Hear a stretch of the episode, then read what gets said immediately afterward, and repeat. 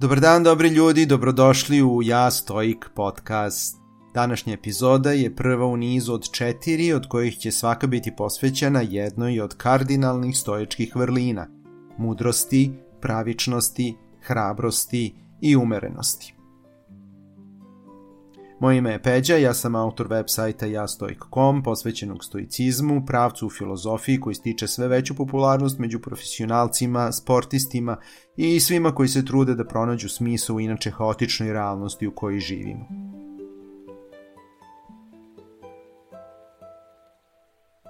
Mudrost, Sofija, na grčkom, je za stojike vrhunska vrlina. Stojici su primetili da je u prirodi sve savršeno povezano da je u njoj sve logično i baš onako kako treba da bude. Ovim beskonačno složenim sistemom sigurno upravlja neka viša sila, neki, neki savršeni razum, kako bi inače stvari na svetu opstale. Budući da je čovek deo prirode i on podleže svim prirodnim zakonima. Međutim, ljudsko biće je jedinstveno u odnosu na sva ostala, budući da posjeduje klicu istog onog savršenog razuma koji upravlja univerzumom. Bez obzira koliko se razlikovali po naciji, veri ili boji kože, sve ljude međusobno povezuje sposobnost da slobodno koriste svoj razum. Sva nesreća, nepravda, frustracije i sve ono što sprečava ljude da dostignu istinsku sreću uzrokovano je nedovoljnom upotrebom razuma.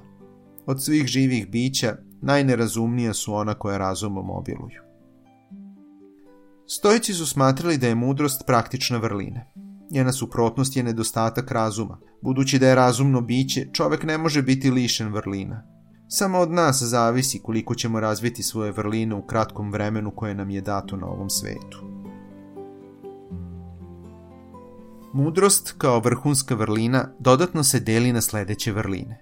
Razboritost, to jest sposobnost da razlikujemo dobro od lošeg, ono na šta možemo da utičemo i na šta ne možemo – i da na osnovu toga izaberemo svoje reakcije.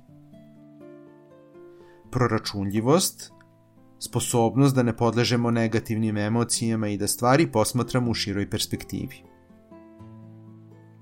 Oštromnost, da ne dozvolimo da nas kontrolišu okolnosti, već da uposlimo razum i svaku situaciju iskoristimo na najpovoljniji način.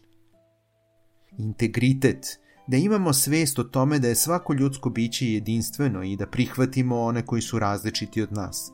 I snalažljivost, to jest sposobnost da upravljamo onim čime raspolažemo, da ne priželjkujemo nešto što nam je nedostupno i ne očekujemo da će se rešenje pronaći samo od sebe. Mudrost zahteva stalni mentalni rad.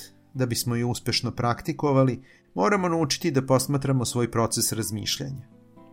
Osnovna svrha mudrosti jeste da nas usmeri ka dobrom, dobrim navikama, mislima, stavovima, željama, što je najvažnije dobrim odlukama i pravičnim delima.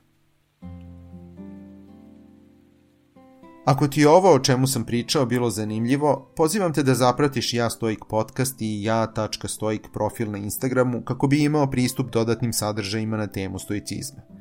Takođe, možeš da posetiš jastojk.com website gde možeš besplatno da preuzmeš e-knjigu 50 stoičkih misli koje ti mogu poslužiti kao inspiracija i putokaz za svakodnevni život. Hvala ti što si ostao uz mene do kraja. Želim ti da mudro iskoristiš današnji dan. Carpe diem.